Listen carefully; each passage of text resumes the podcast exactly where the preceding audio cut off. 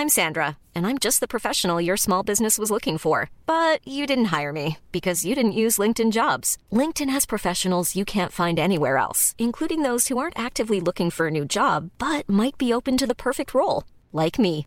In a given month, over 70% of LinkedIn users don't visit other leading job sites. So if you're not looking on LinkedIn, you'll miss out on great candidates like Sandra. Start hiring professionals like a professional. Post your free job on linkedin.com/people today.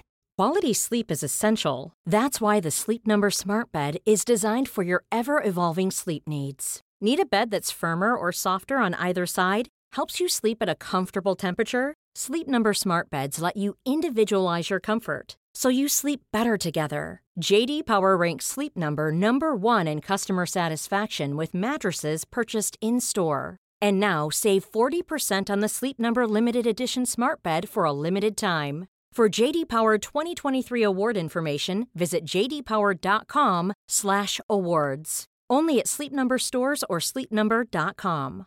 A lot can happen in three years, like a chatbot may be your new best friend. But what won't change? Needing health insurance. United Healthcare Tri Term Medical Plans, underwritten by Golden Rule Insurance Company, offer flexible, budget friendly coverage that lasts nearly three years in some states. Learn more at uh1.com. Palmemordet, introduktion till polisspåret, del 2. Sveriges statsminister Olof Palme är död. 90 000. Ja, det är mord på Sveavägen. Hörde de säger att det är Palme som är skjuten. Mordvapnet med säkerhet är en Smith Wesson, en revolver kaliber .357. Inte ett svar. Det finns inte ett svar. För jag har Polisen söker en man i 35 till 40-årsåldern med mörkt hår och lång mörk rock. Vi har nu kommit till punkt 14. Som heter Hans Holmers kopplingar. Mm. Ja det, ähm, det finns så långt tillbaka. Kan man säga redan i mitten av, eh, början av mitten av 70-talet när han... Eh, jag kommer inte ihåg vilka år det var exakt som han var Säpo-chefen. Jag tror att det är 70 till 74 han var Säpo. Okay. Tror jag att det är någonting sånt där. Och kommer redan i kontakt med de här äldre eh, personerna som även förekommer i vissa delar utav det. I alla fall en. Eh, som heter Kjell-Arne K på VD1. Just det. Bland annat där och sen så när du kommer närmare upp när han är länspolismästare. Kommer inte ihåg när han började det heller. Men eh, det är ointressant i det här fallet. Jag kommer ta upp det senare också. Mm. Jag, jag, kan ju förklara lite hur jag tänkt göra Hans Holmér mm. När, när det kommer till PKK. Mm. Då kommer jag att skildra Hans Holmér som han vill bli skildrad. Jag kommer alltså utgå ifrån Hans Holmérs granskning av PKK som att den är fullständigt ärlig och att han vill sätta dit PKK för att han tror att PKK är Palmes mördare. Mm. Eh, och i spår, i serien eh, Spaningsledarna så kommer jag ta upp Hans Holmér och ta upp alla tveksamheter och det som folk anklagar Hans Holmér för etc. Mm. Det kommer då i, i serien Spaningsledarna. Okej, okay, förlåt. Right. Tillbaka till dig. Eh, ja, då Hans Holmér han blev länspolismästare. Eh, så är det här 1982. När det blir den här gatuvåldsgruppen. Det är ju Hans Holmér som eh, inrättar den. Ja. Eh, jag vet inte riktigt vad, om det kom någonting från Rikspolisstyrelsen att han skulle göra det. Jag tror att det, är, att det var så. Ja. Sen så gjorde han på sitt sätt. Och det gick ju som det gick tyvärr med det. Eh, och där har han ju kopplingar till polisman eh, i det. Eh, polisman eh, D och E till exempel. Ja. Även polisman A har han kopplingar tidigare för att eh, eh, och både A och B för de har också varit eh, på VD1 och utbildat många av de här andra just i paketstyrkan. Ja. Ehm, så han har ju kopplingar dit och sen så har vi eh, de som blir hans eh, eh, livvakter sen. Vi har ingen benämning på dem för de ingår inte i polisman-benämningarna. Men du har, du har tagit upp det tidigare med Per-Ola K. Ja. Blir eh, hans eh, livvakt och chaufför. Nej, det blir han inte. Han blir chaufför åt Ebbe Karlsson. Blir det. Just det. Ja, så är det med Per-Ola K. Han är väl och en materialchef eller en Han har någon jättekonstig titel. Ja, just det. Men han, eh, och han eh, är inte utbildad heller inom livvaktsstyrkan. Nej. Och en annan som heter Per J som du också har tagit upp någonting. Ja. Precis med uh, den här buggningssaken. Precis. Så, um, också de som syns mest med på bild närmast. Han som är, eh, när, när jag säger livvakter, det är ofta de här två som kommer fram.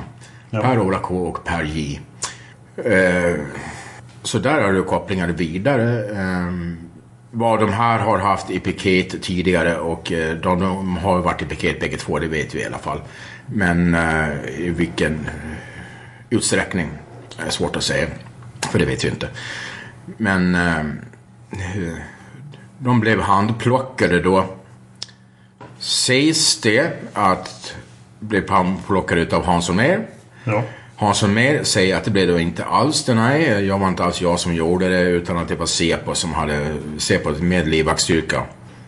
Um, just det, Sven-Åke Hjälmeråd som jag tog upp tidigare, han var chef för livvaktsstyrkan på den här tiden. Nu ja. kommer jag på det. Um, um, så där har vi då kopplingar på det hållet. Så vi har alltså med till han tidigare och under hela tiden har vi A, vi har B, vi har D, vi har E. Eh, framförallt och de här andra som jag nämnde vid sidan av. Just det. Bland annat, och det finns det finns i den sak som heter vitboken finns det faktiskt en eh, sån här som sagt, eh, som man kan tycka som ett släktträd när man drar pilar till varandra. Det. det finns en sån där också där man kan se vem som har sammankoppling med varandra utav alla de här som är nämnda. De ja, när, när vi nämner vitboken menar jag alltså proletärens vitbok. Mm. Eller? Som, mm. som proletären, eller medarbetare på proletären senare blev stämda för, för förtal och Ja, i och med att det var namn mm. Om jag förstår rätt. Ja, det var för att det förekom hela namn och inga annat. Eh, Just det. Inga annat med eh, några andra benämningar utan det var hela namn. Och en del till och med, och en del faktafel måste jag säga. Jag som har läst in mig så mycket på det här säger att det finns en del faktafel när jag gått igenom den också. Just den vitboken kom väldigt tidigt också. Mm, den kom redan 87, 88, ja. 88. Eh, sen har du skrivit eh, ambitiös punkt 15 Ebbe Carlsson-affären. Men jag tror att vi nöjer oss med mm. Den kommer vi att ta upp så mycket senare och vi har redan pratat om den. Så vi hoppar vidare till punkt 16 Inga-Britt Alenius. Mm. Hon eh, satt ju med i eh, granskningskommissionen. Ja. Mm. Och vad hon sa, en av de eh, jurister då som satt där. Nej, hon, hon var jurist och kom ifrån... Uh, kommer på vad det heter. Ah, ja. Ja, Inga-Britt Ahlenius står det som eh, Riksrevisionen. Kommer hon ifrån. Och fick det här uppdraget. Och hon sa när granskningskommissionens rapport var klar. Den var klar Påbörjades 96 och var klar 99 har jag för mig va? Ja, det påbörjades 94 tror jag till och med. Ja, till och med så? Ja. Var det då? Mm. Var klar 99 sammanställde i alla fall med två... Det var ju Marjas från början, sen så blev det en annan. Ja. Så fick ta eh, befälet över det. Men hon var kvar hela tiden och hon sa i efter det här var klart en del år efteråt, för hon var i munkavle ett tag då, då. På det antar jag. Eh, att man bör leta runt bland annat poliser och Stockholms försvarsskytteförening. Ja. Sa hon ganska så klart. Det var hennes uppfattning och det säger hon än idag. Ja, man bör granska grupperingar. Just ja, där precis. kontaktytor där. Ja. Och det var jag inne på redan i början. Ja. Hur man hittar dem till varandra. Det blir de här kopplingarna på, på ren civil basis. Ja. Och det har hon alltså också fastslagit att det är ungefär så man bör göra. Därför tar vi upp henne som en punkt. Yes. Mm. Eh, Hans Holmérs livvakt har vi redan pratat om. Mm. Då ska jag prata kort om de här två fallen som är ganska berömda. Nämligen Rolf Machnow först och eh, Skeppsholmsincidenten. Mm. Men först eh, Rolf Machnow, vad hände där? Kort. Rolf Machnow, kort ja. Mm, det var eh, precis efter midsommar den 20 8 juni har jag för mig, står det där. Ja. 28 juni 1982. Alltså när det fanns Gatuvåldsgruppen. Ja. Så eh, var det då en polispaket och här hade polisman D och polisman E och det var de i det här förtal och förtal fått ta hand om just Rolf Machnov. Ja. Han, eh, tidigare narkoman, eh, nu var han mer, eh, eh, hade frångått det och var mer clean. Eh, blev ner på plattan. Hade de plockat in han, den här bussen då. då till UV-rummet som fanns, o- vad heter det, UV-rummet, OV-rummet, eh, övervakningsrummet i alla fall. Ja. Nere vid plattan. Tagit in och eh, spöj skiten i varandra sägs det ungefär. Va? Eh, det blir ju inget åtal på det. Men, men han eh, blev intagen. Sen, eh, sen så tar de till det här rummet och helt plötsligt märker de att han Eh, kort sa du förresten. Nej, men att han är livlös och sen så drar man han till SAB. Och eh, med sprucken mjälte så av, avlider han. Och man säger det här med sprucken mjälte, det kan liksom inte... Okej, nu hade han för stor mjälte utav en sjukdom han hade. Men eh, säger då de här poliserna, D och E, att han hade ramlat mot ett bord och eh, slått i sidan. Men att eh, den eh, akutläkaren på eh, som alltså intervjuade också i det här baseballligan i P3 Dokumentär. Ja. Eh, säger att det här var det kanske det såklaraste fallet som han har sett med övervåld. Som säger, Rolf Macklov avlider och eh, till slut med det, eh, det här kommer de här förtalsrättegångarna som blir tre gånger som blir mot D och E. Eh, där ansvariga utgivare blir fällda Ja. för förtal. Så att den officiella slutsatsen är att Rolf Machnov ramlade mot ett bord och slog ihjäl sig. Man kan inte bevisa någonting annat. Nej. att det skedde. Fast många tror att det var på annat. Men där, där har vi då det fallet och det var definitivt baseballligan. Ja. Det är utan tvekan just G-turen. Just det. Det är därför vi vet att de här två D och E ingick i baseballligan. Precis.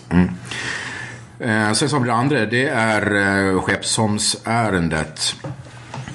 Den eh, Det är 19, 7 oktober. 7 oktober 1983, då, då är det alltså inte Gatuvårdsgruppen. Nej, för de är upplösta. De är upplösta. Det här är ett ärende de hämtar upp den här, en kille som eh, var ute med sin sambo. Var på restaurang, bara nere i Kungsan har jag för mig. De var. Ja. Eh, han eh, seriöst så hade ett vanligt normalt yrke. Han var eh, plåtläggare eller någonting sånt här. Ja. Eh, där de tog in han utan någon anledning egentligen alls. Eh, och eh, våld mot eh, den här personen och körde ut honom på Skeppsholmen. Där det förekommer våld. Eh, det här kan vi säga att det har förekommit för de blev faktiskt fällda. Ja. De blev avstängda. Och tre stycken blev fällda. Okej. Det känns det fel. Sex stycken blev avstängda och eh, åtalade. Eh, och tre stycken blev åtalade Ja. för det. Eh, varav en utav dem nämligen är polisman D. Ja. Eh, och då var det här A eller B-tur. Okej. Var det här då. För då hade de, fanns ju som sagt var inte GBG och G-turen fanns ju kvar. Just det. Eh, och körde ut honom till Skeppsholmen. Någonstans där, där det sägs då att han blev mer misshandlad. Sen så lämnade de kvar han och drog. Ja. Så därför blev det ett stort ärende.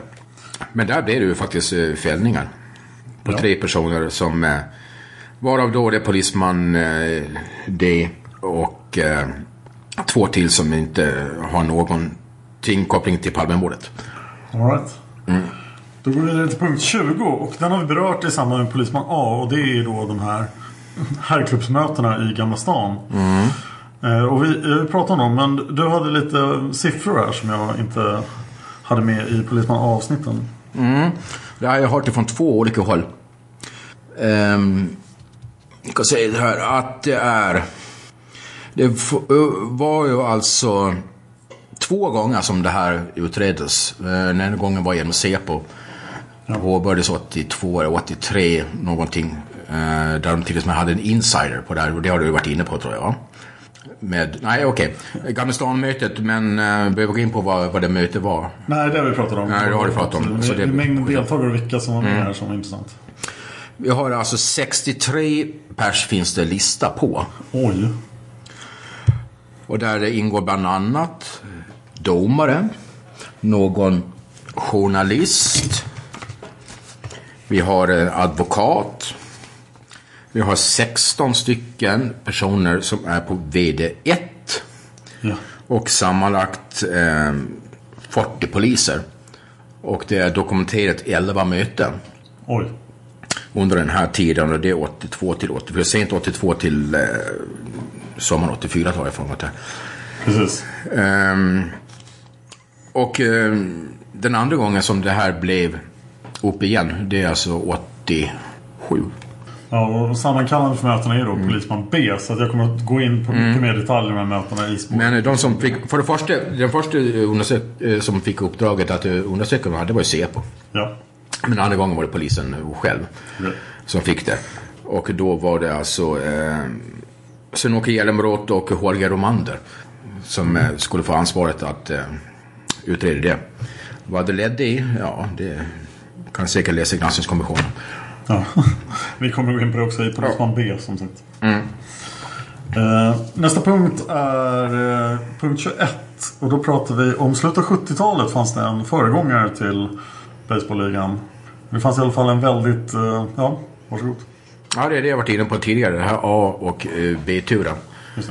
Ehm, att det var också mycket våldsamheter.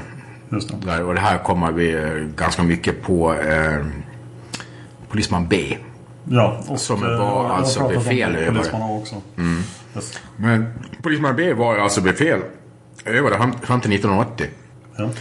Var han eh, befäl över, turerna. Och 1980 så, eh, du kommer jag gå in på det senare, men 1980 så gick han till ordningspolisen. Mer kommer Dan att gå in på. ja. Ungefär så. Men så att det har alltså inte bara att det här med baseballligan och Gbg att det blev att man eh, eh, det här med våldsamheterna och eh, övergrepp eh, och eh, med hårdhänta poliserna. Det är alltså klarlagt så långt tidigare att det har varit så tidigare men inte i en speciell enhet. Exakt. Mm. Räckte det så med det? Ja, man kan säga att det förekommer en överrepresentation av eh, politiska åsikter långt till höger och våldsamma handlingar Oh ja. hos Norrmalmspolisen på den Jajamensan, och det är redan på mitten av 70-talet som man började gräva i det. Just det. Där du hade den här Kjell Arne K som jag sagt tidigare som är också högerextrema och det fanns eh, grupperingar som till och med hette eh, högerextrema poliser eh, Stockholm eller någonting sånt som hade en liten grupp faktiskt. Eh, polisman B blev alltså förflyttad från VD1 1980 för att eh, han hade ja, komplicerade problem med kvinnliga poliser. Ungefär så. Han eh, blev förflyttad på att eh, trakasserier. På något sätt. Och där blev han överflyttad till ordningspolisen. Så att eh, den som han hade haft då tidigare med A och B-tur varit chef över Ja, blev en... eh, Det hade han under det här var Gottavårdsgruppen, då hade han ingenting med det här att göra. Gottavårdsgruppen hade han ingenting med att göra. Men sen när Gottavårdsgruppen och G-turen upplöstes så kom han tillbaka, alla de tillbaka till ordningspolisen och då fick de han som chef igen. Det, var, det var styrkan. ett kärt återseende. För många var det nog riktigt väl så. Eh, sen så kan man säga, eh, vad jag glömt med det här med tidigare, men när A och B-turen kom tillbaka. Eh, men de som har varit med i de här i Gottavårdsgrupperna såg till att de fick samma arbetspass, många utav dem. Ja. Så att de eh, kunde fortsätta sin lilla eh, mer våldsamma verklig, verklig, eh, verksamhet. Så att säga. Bara snabbt på det. Mm. Som man då såg väldigt konkret exemplifierat i Skeppsholmsärendet. Exakt. Ehm, punkt 24. Ingen blev inkallad eller var i tjänst fastän det var sportlov. Det har vi berört Det tidigare. har jag bra där ja. Vi eh, har också pratat om 3230 så nu är vi framme vid eh, punkt 26. Och det handlar då om kommissariebilen 1520. Oh ja. Och där har vi alltså Christian D som är vice eh, chef på fält och då Thomas E som chaufför. Eh, ska vi nämna kort då vad 1520 sysslar med när eh, Palme blir skjuten?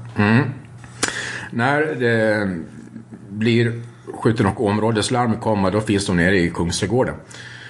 Eh, Ett ärende där var, jag tror det var övervakning, utan det var någon... eh, Man höll på med något arbete där nere i någon lokal eh, som skulle göras sent på kvällen utav någon ombyggnad av någon lokal någonting sådär. Ja. Så de skulle gå ner där och se så att inte folk var på de här arbets...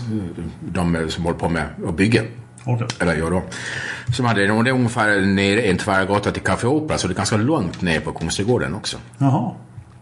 Där fick de eh, larm, det här områdeslarmet. Som, som alltså skulle då vara ungefär 23.23 när Ulf H hade tagit ut områdeslarmet. Ja. Och här säger de då att de eh, för, i första eh, förhöret med Christian D. Så eh, säger han att det tog ungefär en minut innan de åkte iväg. I andra förhöret säger han att vi åkte direkt. Och det är väl att han har blivit ställd inför tiderna. 23.23, om då larmet, områdeslarmet ska gå ut 23.23, då ställer man sig jädrigt för, eh, frågan till att kan han vara verkligen uppe på David Bagares gata? Köra ifrån Kungsträdgården ett kvarter bort förbi NK, svänga upp Regeringsgatan, Regeringsgatan fram cirka 300 meter kanske, vad kan det vara? Ja, det är nog längre än så tror jag. Tre, nästan 300-400 meter går mot till David Bagares. Mm. Kan till och med längre än så. Ehm, ja, ja, någonstans där, 350 meter skulle jag tippa på det. Och var där ungefär 30 sekunder efter larmet går. Eller kanske till och med tidigare än så. Kan han vara det? Nej. Och det här är alltså enligt vad Lars Jens tidigare måste vi Ja. ursäkta. um, vittnet Lars. Hans uppgifter. Ehm, när han sprang efter um, mördaren. Ja, så att... eh, Så att han, enligt den tiden så kan kommissariebilen 1520 inte vara på den platsen där de säger att det var. Det går inte för då, eh, så snabbt kan de inte komma ifrån Kungsträdgården och upp till Regerings, eh, via Regeringsgatan och upp till David Bagares gata. Det går inte. Det tar fall en minut. Och att de är där uppe på den åsen. Det är vansinnigt märkligt för att de har inte fått reda på att eh, mördaren, var mördaren har sprungit. De är kallade till mordplatsen. Ja. Men kör på ett ställe där han efteråt säger men ja, då kan vi ju faktiskt eh, se till att eh, mördaren, eh, vi kan genskjuta mördaren. Men de vet ju inte att mördaren har sprungit där. Nej. Och han vet när han säger Harnäs, Sveavägen, Tunnelgatan, han vet ju inte på vilken sida utav, det kan ju vara på andra sidan.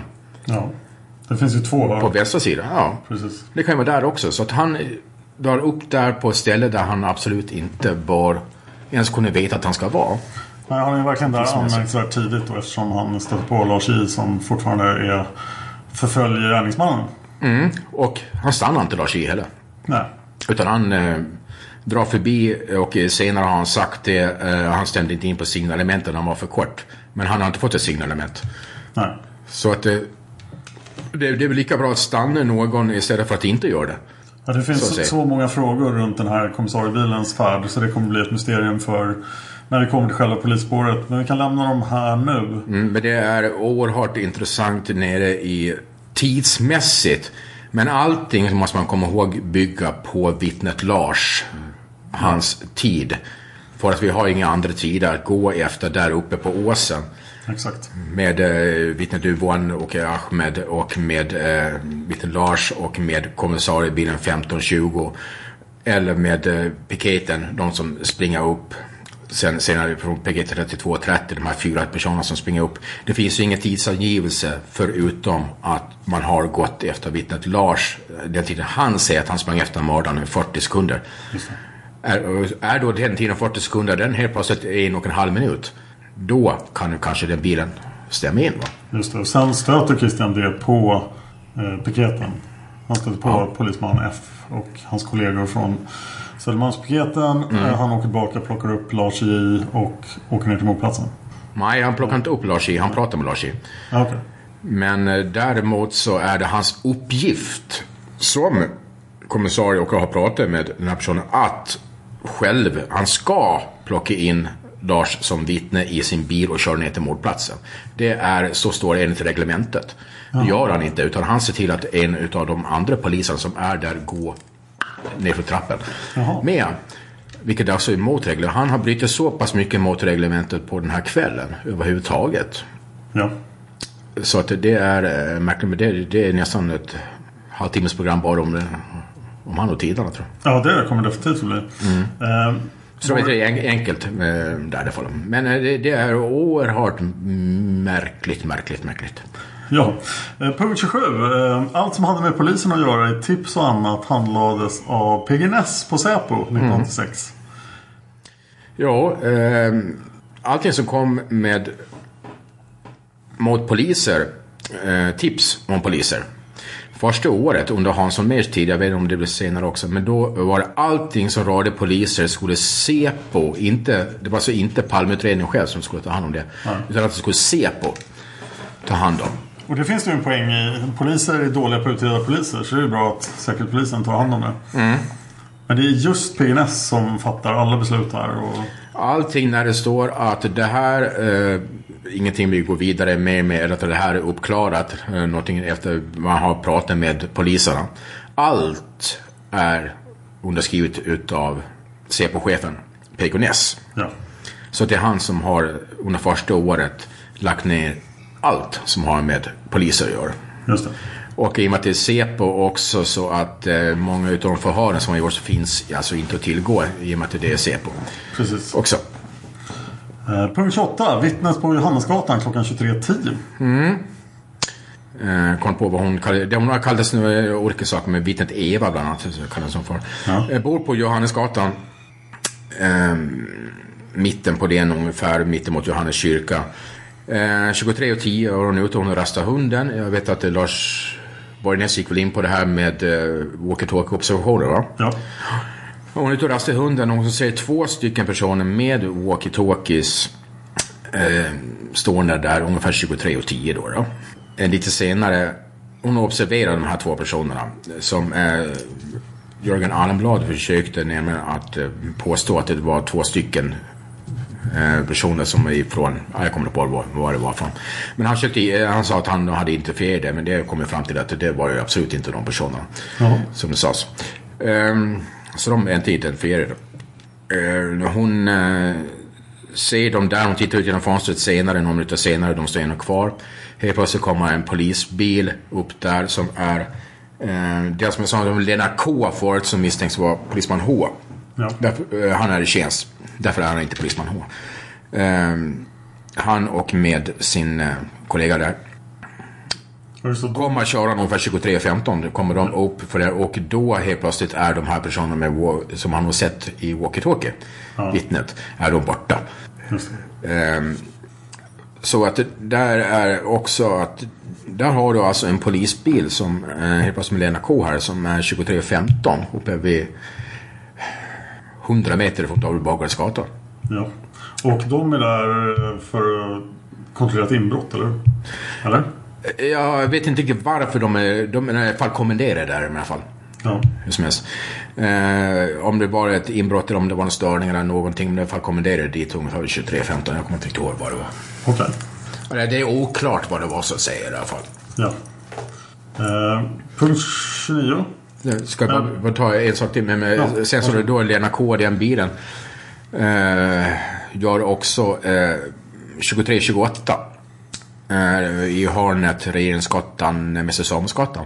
Gör de ett ingripande. Det här är känt, det här ingripandet. Att de tar eh, en person som eh, överensstämmer med signalementet. Ja.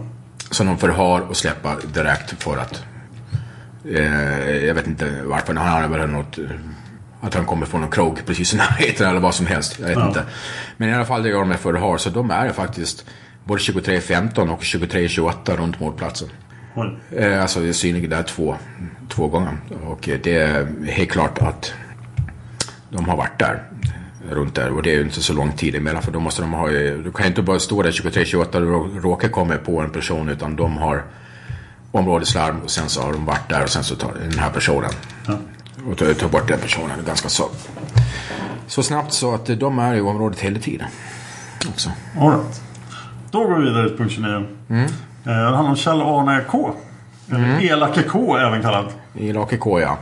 Ehm, det nämnde jag tidigare där att eh, Han är lite äldre här. Han, eh, ska vi säga, han är 47. Eh, då var han alltså 39 år.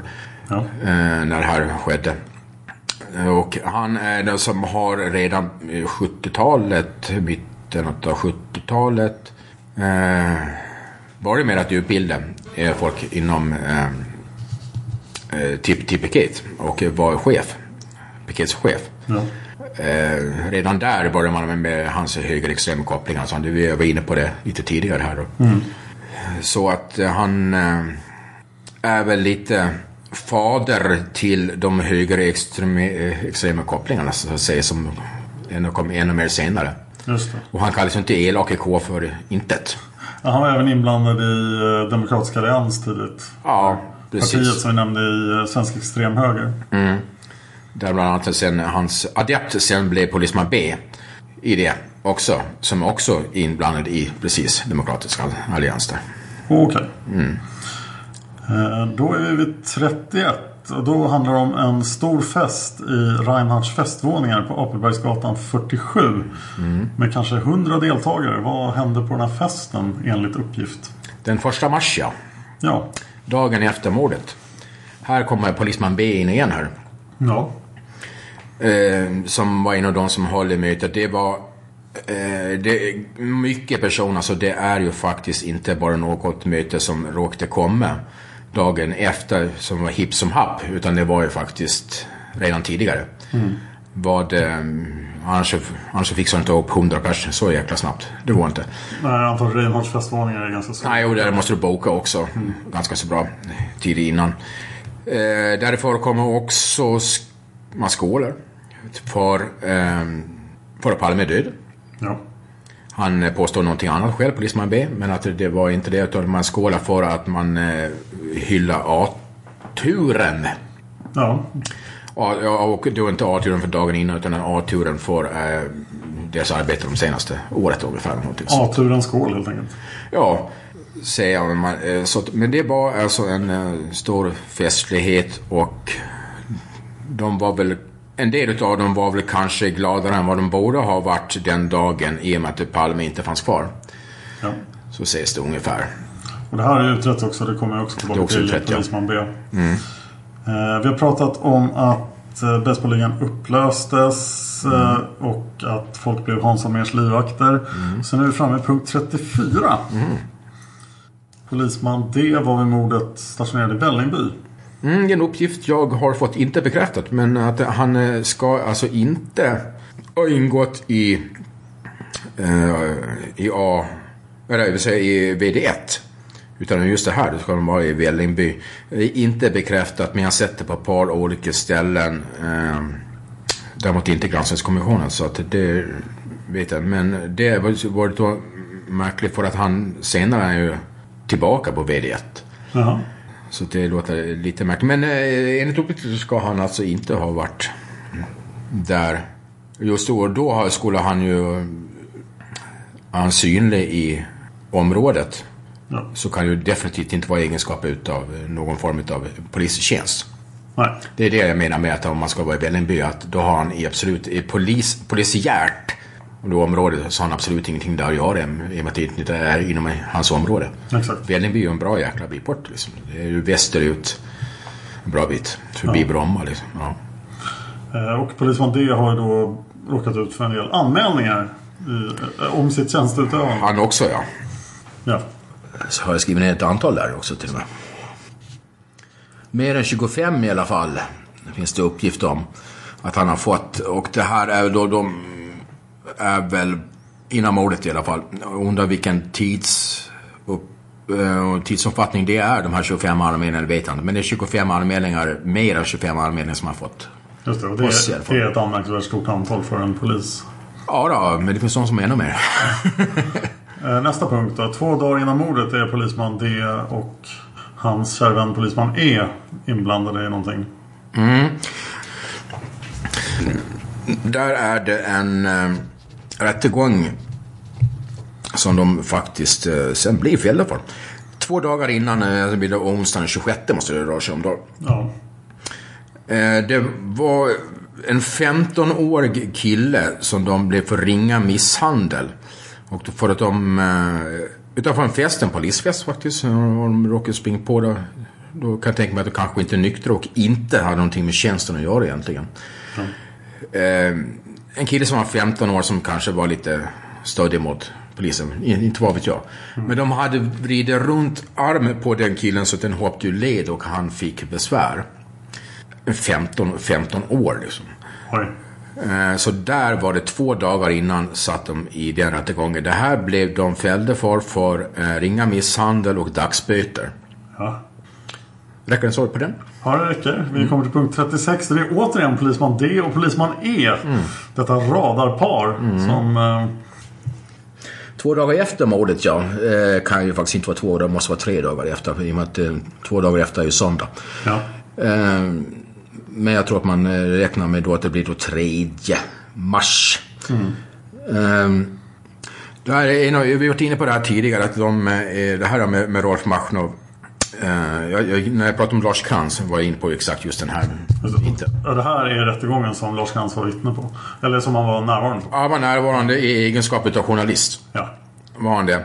Det var där han observerade att han tar de här personerna, D och E, att han, det var ju de som jag såg på bussen.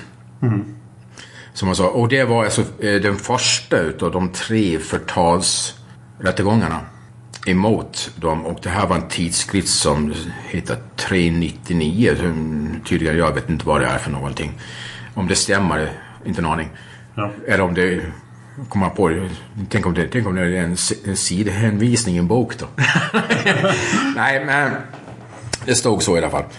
Ehm, I alla de här tre rättegångarna och även i den här så blir det ansvarige utgivare blir fälld för förtal. Just det. För att de påstår att eh, polisman D och polisman E har tagit livet av Rolf Machnov. Ja, exakt. Ehm, I de andra två har vi väl eh, Norrskensflamman då. Ja. Och sen så är det eh, TV också där Rolf Machnovs syster hade sagt deras namn och eh, då blev eh, ansvarig utgivare fälld. Också. I alla de här tre fallen fick de skadestånd och eh, ansvariga utgivaren blev fälld för förtal. Är det så med det? Och det här var, och det är därför Lars Krantz kände igen dem. Och det var alltså måndagen, om det står två dagar så stämmer inte det, om det var tre dagar efter. Ja, och sen har du anmärkt att när polisman D eh, ska förhöras av eh, Palmeutredningen så vägrar han förhöras. Ja, han eh, går med på förhör, men när du ska göra ett förhör, det är ett alibi-förhör, rör sig det här om. Ja. Vad gjorde han på mordkvällen? Ja, precis. Det är det. Ehm, Och det här var väl... eh, Har jag en tidsuppfattning? Nej. Det återkommer vi till i själva polisspåret. Jag. Men normalt sett när man gör ett alibi-förhör och eh, när han säger tidigare att eh, hans att han inte var i tjänst och att han var hemma ja, och han har en flickvän, ja, men då ska man ju förhöra bägge två tillsammans enligt reglementet så att man inte kan prata ihop sig. Ja, just det. Förhör dem samtidigt så att Ja. man inte hinner prata upp Det vägrar han. Han vägrar att låta dem förhöra samtidigt. Ja. Och det här gick, då, vilket då, eh, om det här är då 86 år, då är det alltså Säpo. Eh, Eller om det är senare så kan det vara polisen själv. Ja. Eh, I och med att det här ingår då i anmälan, tips till polis. Ja. Han vägrar att gå med på att de ska göra det samtidigt så att de blir förhörda han ena dagen och hans sambo dagen efter. Och det frångår all form utav eh, reglementsmässighet så att säga. I vad det ska ske för då kan man ju prata ihop sig. Och de säger ungefär samma sak bara att hon är definitivt mycket mer detaljerad om vad de åt på kvällen och vidare. Sånt där. Ja. Vad de såg på TV och lite sånt. Men det är alltså emot allting förhörsmässigt som ska göras som en alibi-vittne. Just det. Eh, och så vidare till punkt 38. Och det rör polisman E. Polisman E har ett litet speciellt utseende. Bland annat så har han ett eh, R i pannan. Han har eh, lågt hårfäste så att säga, eller högt hårfäste. Ja. Och ett R i pannan. Vilket är att människor kan komma ihåg. Han stämmer oerhört bra in signalementsmässigt på den mest observerade grannmannen så att säga. Så jag tror det. Ja. Eller en, en, en av grannmännen måste man säga nu med. Men jag tror att det är väl den eh, som eh, slog utanför kollinjen och fönstret i alla fall. Ja. Och det är också anmärkningsvärt för att det är eh, oerhört lika och just det här med någonting i pannan där, som något vittne faktiskt säger någonstans. Tydligen. Eh, så stämmer han ju lite för bra in på det. Eh, så därför, ja, det är också något tips på honom som kommer utifrån det. Ja. Ifrån början. Var det något mer han... eh, Ja, han har 40 anmälningar mot sig. Så han Mm. slår sin kollega polisman D. Eh, Och eh, han slutade jobba klockan tre på morddagen på A3. Mm. Ja, jag sa D tidigare som hade slutat 15.00. Eh, Det är fel. Det är alltså polisman E. Ja. Som gick av pass 15.00 på dagen. Så att så långt eh, vet man fall vad han gjorde. Eh, alibi för kvällen har han faktiskt ingenting klokt i och med att han eh, då eh, Särbo med sin, de hade tre olika ställen att bo på tydligen. Ja. Ehm, att de inte hade eh, tillsammans. Så han kommer inte ihåg vad han gjorde dagen, efter, dagen eh, när, när mordet var. På kvällen. Nej. Vilket det var många polismän som tydligen inte alls kommer ihåg vad de gjorde fast, fast Palme sköts. Liksom. Så blir ju alla andra i hela världen kommer ihåg vad de gjorde. Eller hela Sverige. Ja. Så det är anmärkningsvärt där också. Mm, räcker det så Benjamin? Ja, nästa punkt är en liten vattenläcka på en lägenhet i Traneberg på Mm. Järnmalmsvägen 4. i oktober 1987. Där är... Du kanske kommer att gå in på den med detalj. Ja, de, definitivt. Ja, Detalj på då tar jag det lite enklare då. då. Ja. Eh, det är en vattenläcka där som... Eh, där det rinner vatten ifrån den lägenheten som är där och ner i eh, tvättstugan under. Mm. Om du säger, och därför är det den som är vaktmästare på stället i den här föreningen. Ja. Eh, bostadsrättsförening är är det, nej det kan det inte vara. Det måste vara hyresförening i och med att det kontraktet är från en till en annan. Därför är det hyres, hyr, hyresrättsförening. Ehm, den här vaktmästaren eh, tillkallar hyresvärden och de eh, och hyresvärden vet om att den personen som bor där för tillfället har kontraktet ehm, eh, jobbar på VD1 Ja. och är alltså polisman E. ja, igen. Igen. Kommer där. Ehm, så de eh, ringer till eh, VD1 då för att eh, de vet att han jobbar där och där Polisman E är själv inte, han är någonstans, jag kommer inte riktigt var det var, men han, han har en sjuk mor. Så han är alltså inte i Stockholm.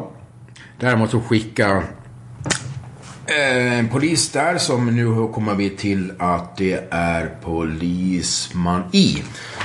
Som är stationsbefäl på VD1. Skickar ut en polisaspirant där. Eh, med nycklar.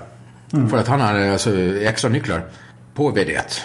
Ja. Då kan man fråga sig varför. Ja, det, kanske vi kan klura ut om en litet tag. Okej. Spännande. Lite enkelt. Varför finns det nycklar där? Ja.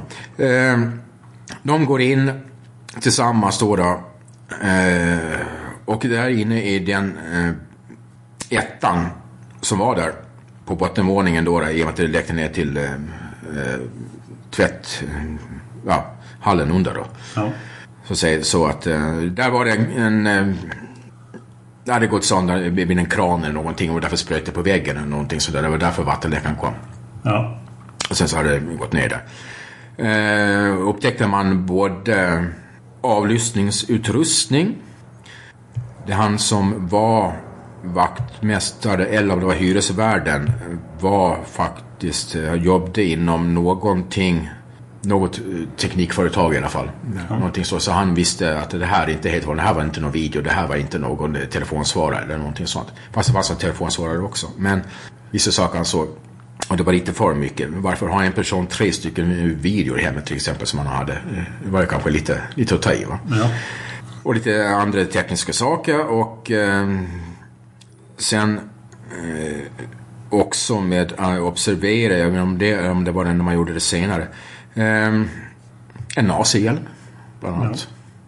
Lite andra sådana attiraljer som hade mer högerextrema kopplingar. Ja. Så det observerade man där. Eh, Du kommer gå in mer på det detalj det här så jag ja. tar inte upp precis allting med den. Men, och vem var då det som bodde där? Ja, det hade vi in här, polisman E igen. Ja. Polisman E hade då kontraktet på den. Ja. Hade tagit över den för Lennart K som jag hade nämnt tidigare. Som var alltså i den bilen uppe på Johannesgatan. Ja. Ehm, hade tagit över det kontraktet. Ehm, så det var ju lite märkligt med, runt med vad är det man hittar för någonting. Vad är det för tillslag och eh, det kunde han då förklara någonting. Både han och polisman I kunde då förklara det här på något sätt. Då, då. Ja. Eh, som finns lite mer om. Och lite mer intressanta omständigheter runt det som du då kommer gå in på i senare program. ja. Vi kommer gå in på vad som hittades och vad som eh, var förklaringen. Mm, och att det helt plötsligt dyker upp en någon helt annan människa där som inte har någonting där att göra. Ehm, och det här är alltså Järnmalmsvägen, heter det så va? Ja. Mm. Det är ju Traneberg. Eh, Alvik. Alltså på norra sidan. Alvik, inte neråt Äppelviken utan på den norra sidan. Precis. Uppemot, eh, ja vad det kallas där uppe. Men, men närmare Solna så att säga. Uppåt, Ja. ja. Bromma flyg, närmare Bromma flyg så att säga. Precis. Men varför hade VD1 nyckeln hem till polisman E? Ja, det kan man ju då ställa sig frågan lite om man ser vad det var man hittade med... ehm, de hade ju givetvis så en för att någonstans måste man ha reservnyckel. Ja. Och då kanske det är bra att ha en på arbetsplats ifall det är någonting att det händer att du måste gå in där att någon har en nyckel och då kanske det, det är arbetskamraterna. Då han har ju gett telefonnummer till VD1 för att kunna ringa. Ja. Ringa till honom. Arbetsplatsen. Och har man en reservnyckel så är det väl jäkligt bra att ha den på jobbet ändå tycker man. Jag vet inte om det här var vanligt bland poliser eller inte. Vad sa du? Jag vet inte om det var vanligt bland poliser eller inte att förvara Nej, nej, nej. sin reservnyckel på Nej, jobbet. Men, men då kan man också kanske ställa sig lite frågan att fast det är mer anledning att ha den där. Ja, det är väl bara att se på vad man har hittat i, vad det är som observeras i lägenheten. Ja, jag tror vi lämnar Och den så, där. sen så kan man ju dra slutsatser utav det. Precis. Så det ska vi göra. Eh, Vi eh, ska försöka undvika att gå till botten med tiderna här. Men den officiella tiden för områdeslarmet är 23.23. Mm. Jag tycker när man tittar på ögonvittnena som vi gick igenom i en väldig massa avsnitt att eh, många säger att poliserna är tidigt på plats. Mm. Men 23.23 är ju väldigt tidigt. Mm. Det, det är ju larmet va? Ja, för det första områdeslarmet. Mm. Och Even on a budget, quality is non-negotiable. That's why Quince is the place to score high-end essentials at 50 to 80% less than similar brands. Get your hands on buttery soft cashmere sweaters from just 60 bucks, Italian leather jackets, and so much more. And the best part about Quince, they exclusively partner with factories committed to safe, ethical, and responsible manufacturing. Elevate your style without the elevated price tag with Quince. Go to quince.com slash upgrade for free shipping and 365-day returns.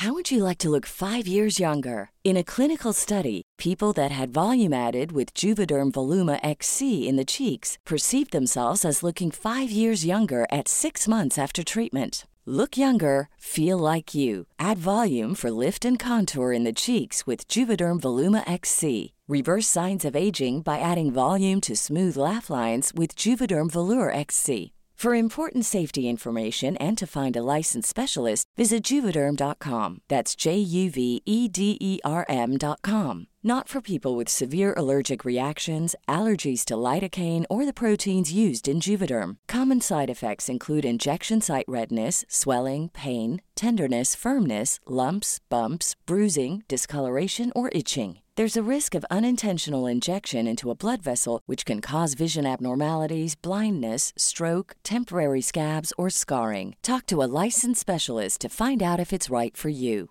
Burrow's furniture is built for the way you live. From ensuring easy assembly and disassembly to honoring highly requested new colors for their award-winning seating, they always have their customers in mind. Their modular seating is made out of durable materials to last and grow with you. And with Burrow, you always get fast, free shipping. Get up to 60% off during Burrow's Memorial Day sale at burrow.com slash ACAST. That's burrow.com slash ACAST. burrow.com slash ACAST.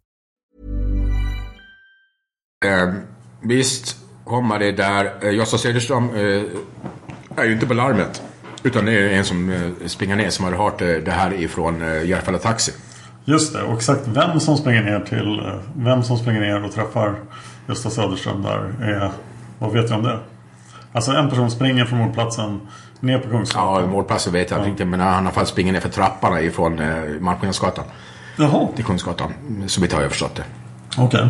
Så där är alltså eh, borta nästan vid Kungstornet. Och mittemellan Kungstornen och eh, Sveavägen. På, på, på eh, Kungsgatan. Så vem, vem var då personen som sprang ner eh, och sprang fram till Gösta Söderström och eh, upplyste om att någonting hade hänt? Mm. Det är en eh, person som eh, själv säger att han var Järfälla Taxi och då därför kunde ha hört när Järfälla Taxi hade ringt in och att de hade larm om det. Det var Järfälla Taxi som först till LAC. Ja. Eh, som säger att han hade hört det, att det var ett mord där. Eh, och att han hade då sett Gösta Söderströms eh, polisbil. Och springer fram och sagt att det är ett mord, eh, Tornegatan, Sveavägen. Just det. Eller, eller det, är en, det är en skottlossning i alla fall, han har sagt givetvis. Ja. Och därför hade då polisbilen kört dit. Precis. Den här personen eh, säger att han var Järfälla Taxi, men eh, när de har tagit med namnet, det är alltså inte officiellt vad den här personen heter någonting. Den är namngiven, han, är namngiven utav Hans Holmér i rättegången med proletären. Ja. Som jag tror är maj 87 eller om det är 88. Mm, Maj 87 tror jag. Ehm, så är den i alla fall namngiven. Men det var ju inom eh, stängda eh, dörrar. Så att det, det vet man inte riktigt. Det var bara de som, det var inget som tas upp i, i förhör. Mm, Ja. så, att säga. Eh, eller i bandade förhör. Eh, så det vet man inte riktigt. Men vem var han då? Ja, Järfälla Taxi säger att vi har ingen person med det här namnet. Vi har ingen anställd med det. Intressant. Mm. Ehm, så att vad kan han då ha gjort? Ja, han kanske körde svart taxi. Man, man bara spekulera. Och eh, har nästens insyn någonting på just taxikommunikation och har någon kommunikationsradio i bilen. Ja. Det är fullt möjligt. Det, det, det var min spekulation. Vi ska inte spekulera men någonting måste man Ja. försöka på i alla fall. Ehm, senare, polisaspirant faktiskt. Ja. Och eh, sen är han anställd ute jag tror att det är eh, Vällingby Hälsingby någonstans där. Okej. Sen har man eh, var polis sen, hur det var det vet jag men eh, så är det sagt i alla fall. Och eh, ifrån några olika håll och eh, ganska trovärdiga håll. Ja. Så det kör jag på. Det, det finns säkert inget klokt namn ute men eh, jag har ett namn men jag vill inte outa det. Okej. I och med att jag är, har inte alls säker på att det stämmer. Så därför vill jag inte säga varken för eller efternamn. Okej. Eh, sen har vi ett antal punkter om Christian D och eh, 1520 som vi redan har berört. Sen kom vi fram till Göran SU. Eh, vem är han då? Han eh, ingår i livvaktsstyrka. I Säpos livvaktsstyrka? Ja, det är- livvaktsstyrka är ju Säpo som har, som har hand om allt. Okej, så det finns bara en livvaktsstyrka. Så de poliser som är livvaktsutbildade är... Ja, det, det är ju Säpo, i och med att det, det har med rikets säkerhet att göra. Ja. Med allting. Um, ska se vad jag har där. 15 minuter efter mordet så observerades han och... ehm, ja, just det. 15 minuter efter mordet observerades han i, eh, runt eh, mordplatsen på Regeringsgatan. Där har han faktiskt uppdrag. Eh, han och en kollega till han har eh, haft ett eh, livvaktsuppdrag till en brittisk ambassadtjänsteman under kvällen. Ja. Eh, men han har också precis setts strax innan mordet också. Det är bekräftat att det är han. är Vid eh, brödbutiken som ligger vägg i vägg med Kurdiska bokcaféet. Jaha. Där, eh, det finns ju två stycken som de säger är Regeringsgatan. Men det är dels Regeringsgatan och David Bagarsgatan. De har observerat två stycken med walkie-talkie. Jaha. Men det är han då. Ja. Göran SU som du har nämnt tidigare. Precis, för att skilja honom från Göran ST. Ja. Förekommer i polismanual. Så att han har också observerats då i området två gånger både före och efter mordet. Och är han då på den sidan, har man då, kan man ställa sig frågan, har han då blivit kollad, har man, för det är på samma sida, före och efter. Har man kollat någonting med hans observationer? Jag har, jag har inte hört någonting om det. Det ska vi gräva i när vi kommer till polisspåret. Eh, och sen har vi då hur eh, personalen från Södermalmspiketen beordras ta upp förföljandet. Springer mot trappan på, Dag, eh, på Tunnelgatan. Upp mot David Bagares gata. I trappan eh, inträffar en liten incident. Eh, för polisman F eh, kastar upp. Ja, ovanför trappan. Kom precis upp på trappkrönet. Och enligt han själv är det beroende på att han har konsumerat en burk med Coca-Cola för snabbt och har magproblem. Mm. Eh, Han hade den här colaburken öppen när han satt i piketen och sen Mm. blev det oj nu händer det grejer, då måste jag dricka upp kolan. För den går inte att ställa ifrån sig eftersom det är en burk. Mm. Eh, Men sen då har vi de här fyra poliserna. De kommer upp till trappkrönet och Mm. vad gör de då? Och vi kommer nog namnge tre av dem för de eh, har aldrig misstänkliggjorts i det här sammanhanget. Nej, eh, de är ointressanta. Utan det är ju bara då polisman F. Ja. Ja. Eh, som var den som bodde längre bort på David Bagares gata. Eh, de, när de kommer till platsen, de är sex stycken i piketen. Eh, så blir de beordrade utav Gösta Söderström att eh, följ- följa följa efter. Han beordrade fyra stycken att följa efter. De Ja. två stycken vill han ha kvar för att ta upp vittnen, vittnesförhör. Ja. Och med avspärrning, eller, kolla i alla fall så ingen folk springer in förbi just mordet. Ja, na- naturligt. Mm, helt naturligt. Så det, det, det var en bra arbetsfördelning måste man säga utav Gösta på det. Eh, De springer upp för trappen, eller ja, tre stycken springer upp för trappen. Polisman F tar, eh, vad heter det, eh, rulltrappan. Ja. Rulltrappan bredvid som inte är i, är i bruk i och för sig. Jo, den, den är igång. Är den igång? Ja, min, min uppgift är att den är igång. Men den startar inte förrän man trampar på den. Så att Nej, nej. Den har inte startat av att gärningsmannen sprang upp. För han sprang upp för trapporna. Ja, han sprang upp för trappan. Utan den, den står still. Men Mm. när man kliver på den så startar den. Och här säger folk, vill de också, varför, varför sprang inte han upp för trappan? Ja, men någon måste väl ändå ta rulltrappan också. Det är Ja, fullständigt precis. logiskt för min del. Ja, det känns jättelogiskt. För det finns massor av prång och grejer där som måste kollas. Man kan ju mycket väl gömma sig. Ja, och var det det? Och sen så har du... De vet att det är ett mordvapen med det här. Att det, någon har skjutit. Du kan ju kan vara slängt en pistol där också. Ja, visst. Någonstans i den trappan. Så är det ju självklart att det måste kollas också. Ja. Folk tycker det är märkligt. Jag säger det, det är precis så man ska göra det i det här Ja. fallet. De springer upp. Eh, kommer de här fyra upp för krönet. I, på vägen upp, eller nästan nere vid trappen, där möter de på eh, vittnet Yvonne. Ja. Eh, kanske du kommer att gå med på eh, in, Ja, det har vi ju redan pratat är, ja, men, men, men att de springer på. Ja. Hon säger i trappen. Eh, nej, hon säger ner i trappen och de säger i trappen. Okej. Eh, och att de rör sig snabbt, men hon säger att eh, hon säger att de rör sig snabbt och nästan springer över henne. Men eh, de själv säger att de, de, eh, de frågade henne. Vad, har ni sett någonting på vägen? Ja. Så det går lite isär. Men eh, upp för trappen kom upp.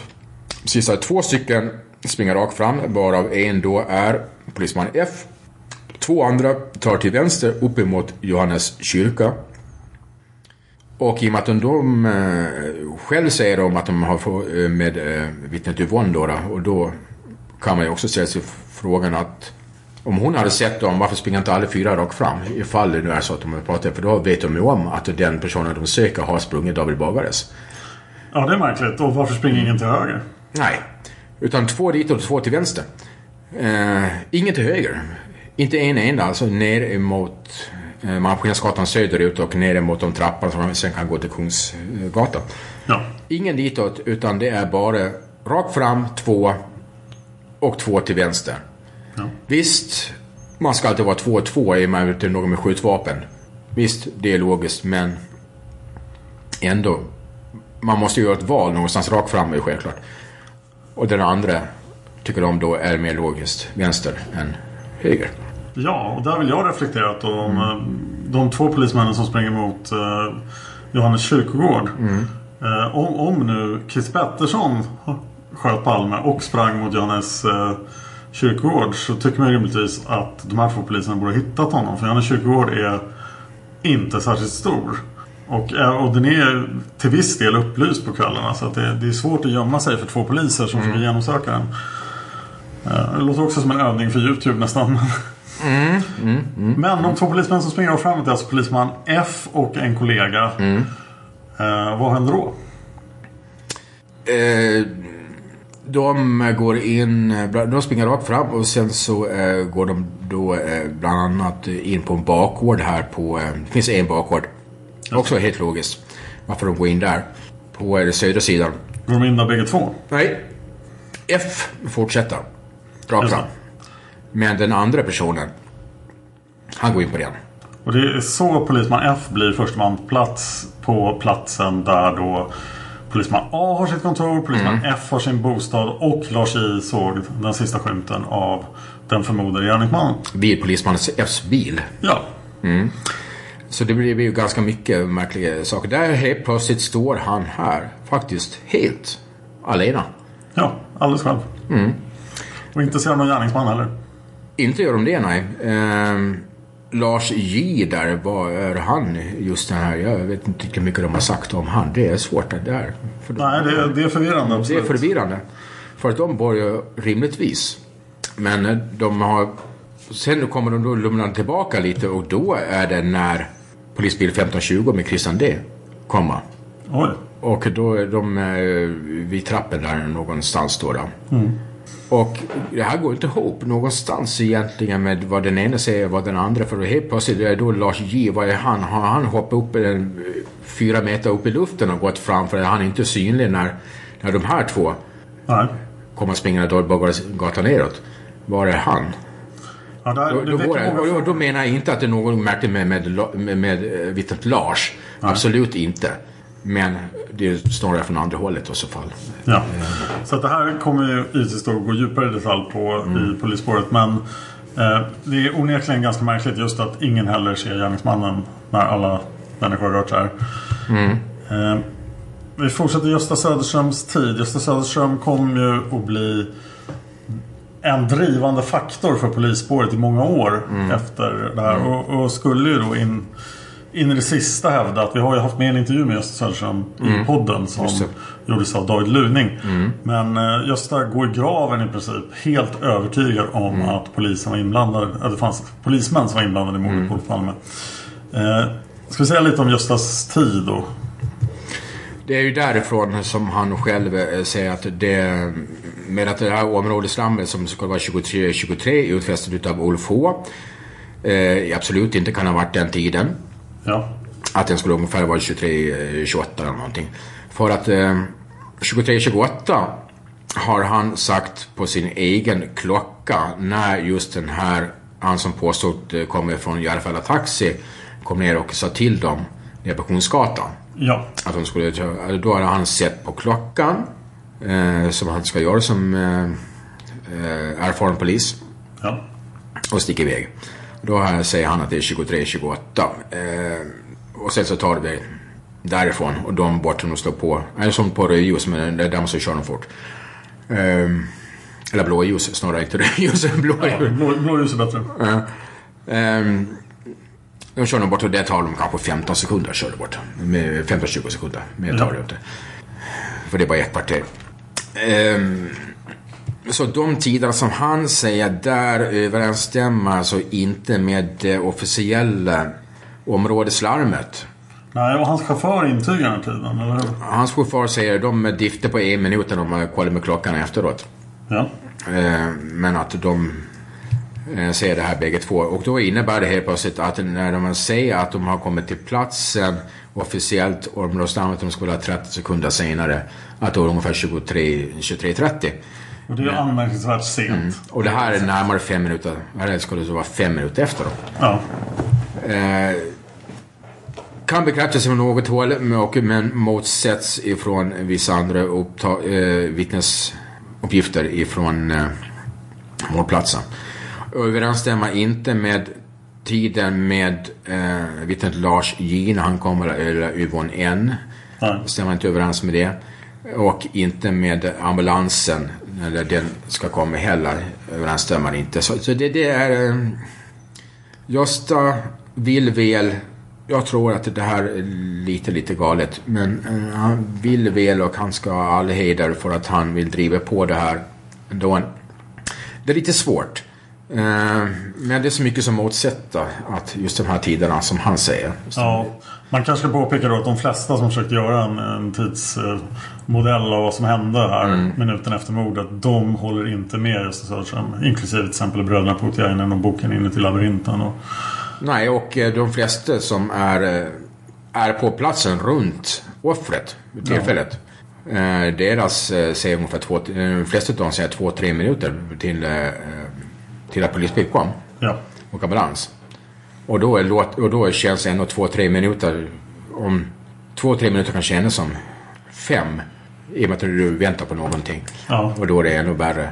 Så att du två, tre minuter kan lika gärna vara en och en halv. För då måste man gå åt andra hållet. Va? Ja. neråt. Så att det, känns lite märkligt. Eh, ska jag ta bara en liten, liten teori om det? Ja, varsågod. Ja. Eh, att han kommer till platsen, han är 23.30 har sagt att han eh, har sagt att det är Olof Palme som är skjuten och rapporterar in det här till eh, sambandscentralen då. då. Ja.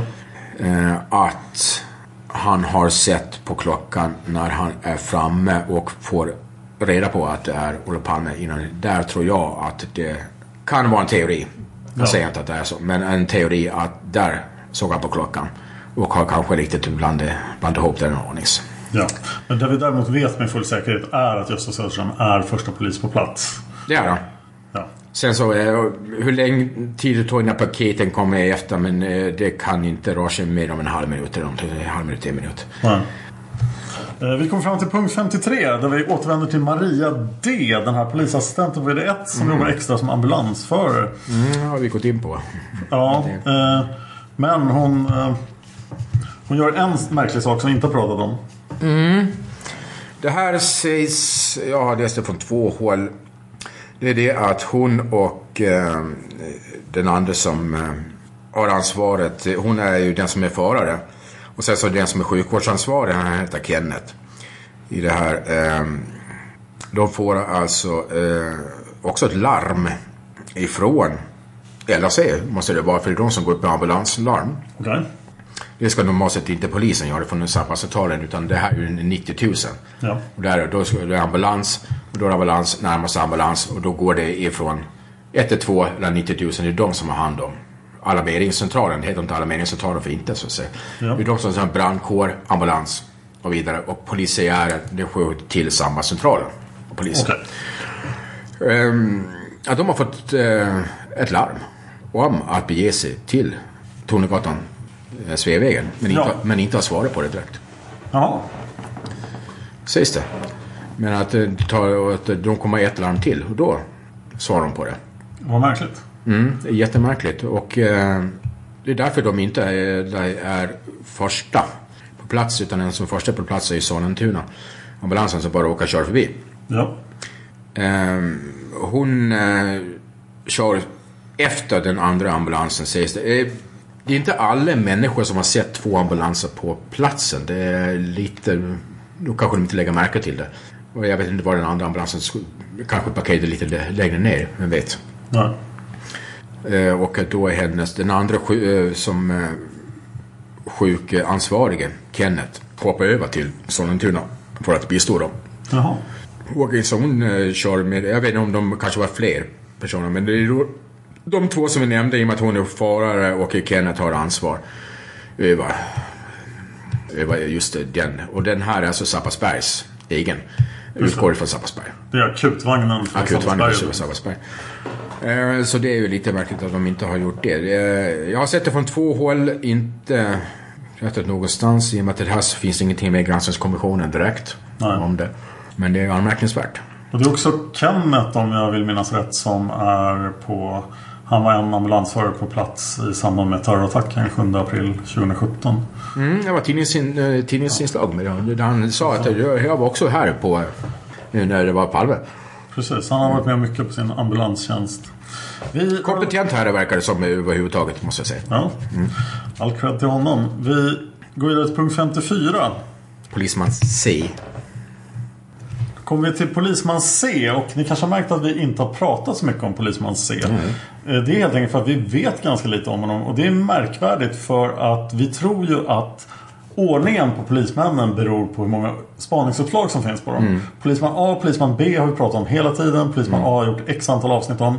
Det Men här- har ju pratat nämnt andra Ja, gånger. Och E kommer upp hela tiden. Men alltså Polisman C som alltså har fler spaningsuppslag på sig då än D och E tror vi. Mm. Vad, vad vet vi då om den här Polisman C? Att det förmodligen har eh, kommit ett och annat uppslag om han. Det vet vi att det har gjort och det har även Olvebro. Fast så sa han faktiskt hela namnet, sa han i eh, en utfrågning. Just det, där, där utfrågaren tror att Ölvebro menar Polisman A. Men det är Polisman C som avses. Mm, och då säger han XX, hans hela namn. Är det den du menar? Nej, det är det inte, säger Borgnäs. Och det var därför också det. Varför, varför blanda Olvebro ihop de här? Vad är det som är mellan dem? Ja, så det är där, någonting är lite märkligt och i och med att han tar fel på när du menar polisman A så blir det polisman C. Någonting är ju konstigt där. säga att Ölvebro har läst en massa saker om uppslag mot Polisman C som inte har publicerats. Mm. Vi vet i stort sett ingenting förutom att han är fallskärmsjägare. Han har eh, polis... Eh, han är väl ungefär som de andra. Jag tror han är något år yngre. Han är 29-30 Okej. i det här fallet. Eh, hård för, är det utan tvekan sagt. Eh, spaningsuppslag mot han att eh, han har blivit utpekad på plats. Och när tid var det så att han var utpekad eh, utan någon, nu vet vi inte vem. Men eh, det måste ju vara fler, i och med att det är en så hög som C så måste det vara fler det. som har på. Men eh, Alvebro säger då sen senare när han då eh, säger hela namnet i den här utfrågningen att ja men det är konstaterat att XX, polisman C då, då att han var ju faktiskt i eh, Norrland, eh, om det jag tror det är Arvidsjaur eller någonstans Boden, eller någonstans där. Ja. Med, eh, han är fallskärmsjägare och eh, eh, som många andra också har haft en militär, någonstans en, be, en befattning i alla fall. Så han, han är reservofficer. Han är reservofficer. Många, många av dem är ju reservofficer. Det var där de började banan. Ja. Många som är reservare, många av de här. Eh, och jag håller då på med en utbildning utav fallskärmsjägare precis uppe där i Boden, eller Arvidsjaur. Arvidsjaur är ju fallskärmsjägarutbildning och därför utgår jag från att det är det. Ja. Ehm, så att, ehm, att han skulle ha varit där. Så att jag tar nog faktiskt det för givet att han har varit för att du kan inte få en helhjärtad pluton. Men alltså jag står och ljuger liksom.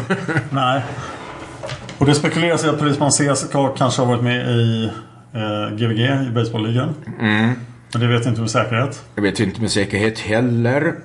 Men eh, med åldersmässigt och sånt så eh, kan det nog stämma in och med vad man säger om han. Eh, hans eh, metoder. Ja. Det finns en, eh, en till sak som är på han. Därför han kanske är en liten bit högre upp också. Men det, det, eh, en person som eh, åkte in i finkan, eh, en, gan- en miljonär i alla fall, med, med, var inget namn på det här, men eh, blev intagen en kväll och han kände den här personen och hade gått dit fast han eh, inte ens var i tjänst med sin bricka och kvitterade ut hos den här personen som hade åkt in. Ja. Alltså ett grovt tjänstefel. Oj. Han hade bara gått och sagt nu är det som på så här sättet. Så han hade bara tagit ut den här fast den var för fylla eller misshandel. Jag kommer inte ihåg det. Någonting sånt där. Nej, jag kan gå in Jag hade bara huvudet just nu. Men däremot eh, helt klart eh, vän eh, Sydafrika. Ja. Han har eh, både, han har väl varit där också. Ehm, men uttalade vid flertal tillfällen, till och med i artiklar tror jag. Ja. Eh, Han sympatiserade med apartheidregimen i Sydafrika. Absolut. Och sen så finns det då också de som säger att eh, någonting som var ganska anmärkningsvärt med han, att han kunde göra, därför jag tror att han ingick kanske i baseballligan åt, åt det hållet, är att för att vara ännu lite tuffare så kunde han vika upp en, eh, utav slaget på sin uniform. Ja. Och där fanns ett hakkors. Så han bar ett hakkors i tjänsten. Ja, innanför, alltså inte på utsidan, på Ja. insidan utav slaget Ja, på uniformen. låter ju synnerligen olämpligt. Det kan man inte säga. Eh, vi ska inte prata mer om polisman A för han har vi pratat så mycket om. Mm. Eh, Men C är, har ni någonting med som ni kan få fram på polisman C? Så kommer det för att han är, det finns för lite om honom. ja, Vi vet det- för lite. Jag kan inte i nuläget göra ett helt avsnitt om polisman C. Men jag Nej. kunde göra så många som jag kunde göra om polisman A. Och det Mm. Förefaller konstigt.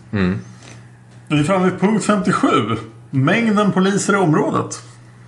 De säger att det är 35 stycken. Cirkus 35. Jag kan inte få ihop det till 35 i och med att det är 6. Då, då går det inte upp om man alltid är med 2 och 2. I och med att det är tre stycken piketer och 3 gånger 6 är 18. Och då, och, Var det och, och, hundföraren? och då borde ju allting vara jämnt i slutändan. Därför borde det vara 34 eller 36. Det Men, var inte hundföraren som körde själv. Ja, men han känns ja. Ja, det var en hundförare i tjänst. Okej, bra. Som hade egen bil med hund. Ja, men då så. Då kan det stämma med 35. Inom 600 meters radie, mm, alltså eh, radie ifrån mordplatsen. Ja. Det vill säga kanske norr upp till Odenplan, öster, förbi Humlegården, eh, mitten av Humlegården. Kan vara ungefär 600 meter någonting. Något sånt. Eh, väster näst närmare eh, Norra Bantorget. Ja. Söder 600 meter om vi tar där, sen tar vi en liten bit till och kommer du nästan ner på Vasagatan. Det är ungefär därifrån ska finnas 35 poliser som finns där exakt just då. Ja, det har gjorts mycket av det här, men jag undrar hur, hur det ser ut en vanlig fredagkväll på ett sportlov efter löning. hur så många det. poliser är i tjänst i stan? Så här, det- det är ju inte noll. Liksom, det måste ju vara någonstans mellan 0 och 35. Men frågan är vad som är normalvärdet. Men- Idag, idag tror jag det är betydligt fler. Men, Ja. men då, frågan är hur det var då. Ja, Jag vet inte om det är fler idag heller. För att det är ju... Men eh, det kan vara fler 35 i tjänst, men det här är 35 inom just det här området. Ja, det är som är just väldigt många. Så då har man inte tagit med de som är på Söder. Och man har inte tagit med, Nej. eller inte på Söder, kanske inte någon som, om det är någon på Kungsholmen och sånt där. Ja, och då har vi kommit till punkt 60. Eh, Och då pratar vi om polisman L och eh, författaren och journalisten Lars L. Som, eh, ja, jag har nämnt lite grann om deras konstiga biltur. Den kommer vi att granska i detalj i polisspåret. Eh, Vill du säga någonting om dem helt kort? Polisman L är ju i, i sig en intressant historia. Ja, mycket. Ehm, tiden för mordet hade inte tjänst. Eh, han konstaterat eh, psykiska besvär i alla fall. Eh, har det varit det tidigare också. Ja. Ehm, vilket märks på hans agerande efter också. Och med just den här eh, journalisten Lennart. Nej, vad säger jag? Vad heter Lars. Lars. Ehm, Plusman L finns det en omständighet som är lite anmärkningsvärd. Och det här är att eh, någonstans så säger man att det var strax efter mordet, men det är det inte. Det här är ungefär vid 13 helgen. Eh, 86 så vet jag har förstått. Ja. Hittar man en bil stående oerhört slarvigt parkerad, eller parkerad parkerad, den står ju halvt över övergångsställe på Regeringsgatan 66. Okej. Så lite söder om. Bara, ja, kan inte ens vara 100 meter. Ja. Eh, söder ner från Davidbagares. Öppen. Ehm, där blir eh, tillkallad för den står eh, nästan över parkeringsövergångsställe. Ehm, där är några tillkallade polis och polis kommer dit och eh, bilen, sen så öppnar bilen, sen så hittar de också en tre- 357 Magnum. Oj. Vilket är många poliser som faktiskt har det här i sin ego. Ja. Men, men de alla har i alla fall eh, lagligt. Ja. I alla fall de som är provskjutare. För det är många poliser som har provskyttesvapen. Men jäkligt många som har ju sin 357 Magnum. Eh, det här, då hittar de den i någon säger det var eh, baksätet och någon säger onda framsätet. Eh, men jag går på granskningskommissionen och då ska det vara på golvet vid framsätet har jag för mig där. Okej. Ehm, 357 Magnum fulladdad. Alltså sex stycken. Ja. Full, fullpatroner dessutom. I en bil. Öppen. Olåst. Han är inte där. De vet inte ens var han är. Det är ju ganska så anmärkningsvärt. Men att han hade en svår period rent psykiskt i livet. Det är ju konstaterat ifrån både före och efter. Ja. Ehm, Vet man hur länge den hade varit där? Bilen? Ja. Väl inte varit an så länge antar jag i och med att den stod så slarvigt som den gjorde. Så att de, de fick väl några par dagar kan jag tänka mig. Man är förvånad att revolvern får ligga kvar med tanke på hur stökigt det var där. Och att ingen har eh, plundrat Ja, det, det, det är också märkligt. Det här blev han ju eh, avstängd för, har jag för mig. Ja. Eller han var också sjukskriven för att han inte mådde så bra i den här tiden. Vilket märktes också efter med den här resan som du säkert har nämnt. Ja, den 5 mars ger de sig iväg på sin eh, episka bilfärd genom Sverige. Eh, polisman L har alibi. Inte en aning faktiskt. Och den här dansen i Norrtälje. Ja, just det. Just det. Ursäkta. Nu såg jag på mina egna anteckningar. Han var på dans i, i Norrtälje. Just det. Och där har han ju eh, observerat i alla fall. Och inte bara så att någon säger att de har råkat observera han där. Utan han har verkligen sett till. Eller han har blivit observerad på grund av att han har märkligt beteende under kvällen. Vad gjorde han? Nej, men han var bara stirrig. Och, eh, så vitt jag har förstått att man, man, man la märke till den, inte på grund av fylla någonting utan stirrig och eh, lite paranoid känslor och lite sånt där. Okay. Vilket kanske kan ha med hans sjukdomsbeteende att göra också. Men, men att han, eh, man la märke till den. Ja. Har verkligen sagt. Så att den alibit kan vi väl säga är ganska klart. Jag har nästan på glömt bort det när du sa det. Men, ja. Eh, Vi är också en, en ständig fråga bland piratspanare just eh, bilder på Polisman L. Så om någon har bilder på Polisman L så är jag intresserad av att ta del av dem så skicka dem i privata meddelanden till mig på Facebook. Till Mm. mordet. Eh, ja, Polisman väl du kanske kommer, jag vet om du kommer gå in med på en. ja absolut. Det kommer jag. Ja, då behöver vi inte nämna det som hände med honom sen. Jo, det kan du nämna kort. Ja, ja. Han utav ganska dramatiska omständigheter några år efter. Jag ska se om jag har någon anteckning på när. 93 tror jag. 93. Ehm, nej, jag skriver det. Men om du har det, 93. Uh, sköt alltså själv. Ja. Framför sin granne. Han knackade på vid grannen och grannen öppnade så, så satt han en uh, hagelgevär för mig. Ja, jag får får mig att det var det. ja, Eh, och sköt skallen av sig. Vad hemskt. Ja, schysst mot grannen kan jag säga. Verkligen. Otroligt. Eh,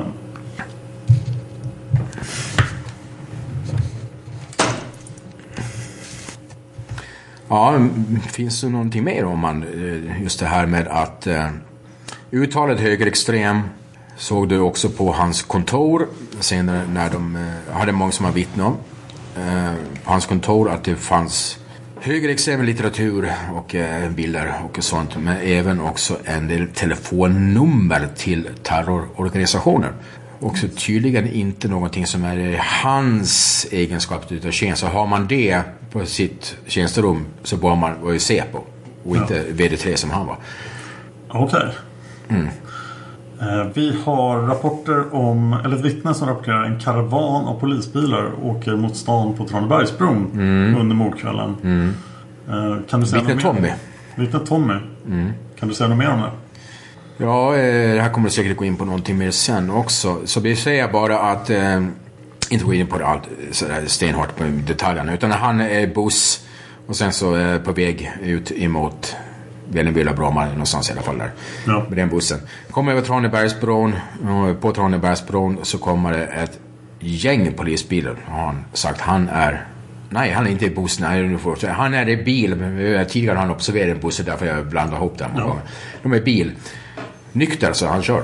Ja. Så det är ju inget problem med det. De ska ut med en säng ute i Vällingby har jag för mig. På Okej. taket. Ehm, observera där att det är, kommer ett gäng polisbilar, med, inte med siren på eller någonting sånt där. Och det här är eh, strax före mordet. Ja. Eh, det finns ingenting hos polisen med att det fanns någon utryckning eller någonting därifrån. Och vad då? Traneberg? Har vi ingenting, hur hur var det med Traneberg? Har vi ingenting om Traneberg tidigare? Jag tror jag hörde någonting om Mm. tidigare. Järnmalmsvägen 4 ja. Just det. Inte för att polisman E bodde där då. Utan det gjorde Lena K. Men Lena K har vi också varit inne på. Det var han som bodde där då. Och det är ju faktiskt i Traneberg. Och det beslaget som gjordes vid Järnmalm- Järnmalmsvägen 4 vid Lat- eh, vattenläckan. Ja. Kan ju kanske ha någonting att om vill man dra någon parallell därifrån att Om det skulle kunna vara någonting med de avlyssningsutrustningar som fanns där. Vill man därifrån och gå emot någonting att ha en form utav sambandscentral eh, poliser på fritid så kan det kanske vara just där ute från Traneberg. Så det är att eh, tio minuter innan mordet eller någonting som är någonting. Ja. Observeras att det kommer polisbilar ifrån Traneberg, Alvik. Precis över bron där eh, är ju anmärkningsvärt kan man säga och det finns ingenting någonstans i någonting utav polisupptagningar för kvällen där de rapporterar att det är, har kommit bilar ifrån som har varit Ja. där ute. Anmärkningsvärt. Det kan också nämnas då själva husrannsakan eller det här fyndet på Järnmalmsvägen i Traneberg sker alltså 20 månader senare i oktober Yes. 87. Det kanske vi är otydliga med. Mm. Vi har kommit till punkt 66 och eh, då tar vi upp vår favoritknarklangare från Stockholm City, nämligen Sigge Cedergren. Ja. Han har att göra med polisen hela tiden, för polisen övervakar Sigge väldigt ofta. Så Mm. de hoppas kunna komma på vem det är som levererar knark till Sigge. Mm. Däremot så tar de inte Sigge just för att de är ute efter större fiskar. Ja, så är det. Och Då har vi eh, mothandeln här dagarna och eh, kanske hela veckan. Jag vet inte. Jag- I och med att de säger att normalt sett brukar vi, har en person sagt som har informerat, som är just under det här spaningarna mot eh, Sigge Cedergren. Om hon menar normalt sett eller om hon menar normalt sett just mot den här spaningarna. Ja. Alltså på Tegnérgatan, eh, Tegnérgatan 16, är det så? jag tror det Ja, jag får med det. 16 eller 14. Ehm, där hade de alltså knarkspan. Bevakning emot. Det här har du kanske varit inne på tidigare också. Eller jag kommer definitivt gå in på mer sen. Ja, Sigge, Sigge kommer bli en huvudperson när det kommer till Christer Pettersson. Han är en av de mest förhörda personerna i Palmemordet. Oh, ja. Både formellt och informellt. Ja. Mm. Ungefär 70 förhör med informella. Wow. Någonstans där omkring. Men hur som helst så... Eh, de personerna som hade hand om den övervakningen, för de hade alltså en lägenhet precis mitt emot. Satt de på kn- på knarkspan. Ja. Och det här är en person som varit intervjuad. Eh, Margareta någonting, kommer jag ihåg att hon heter.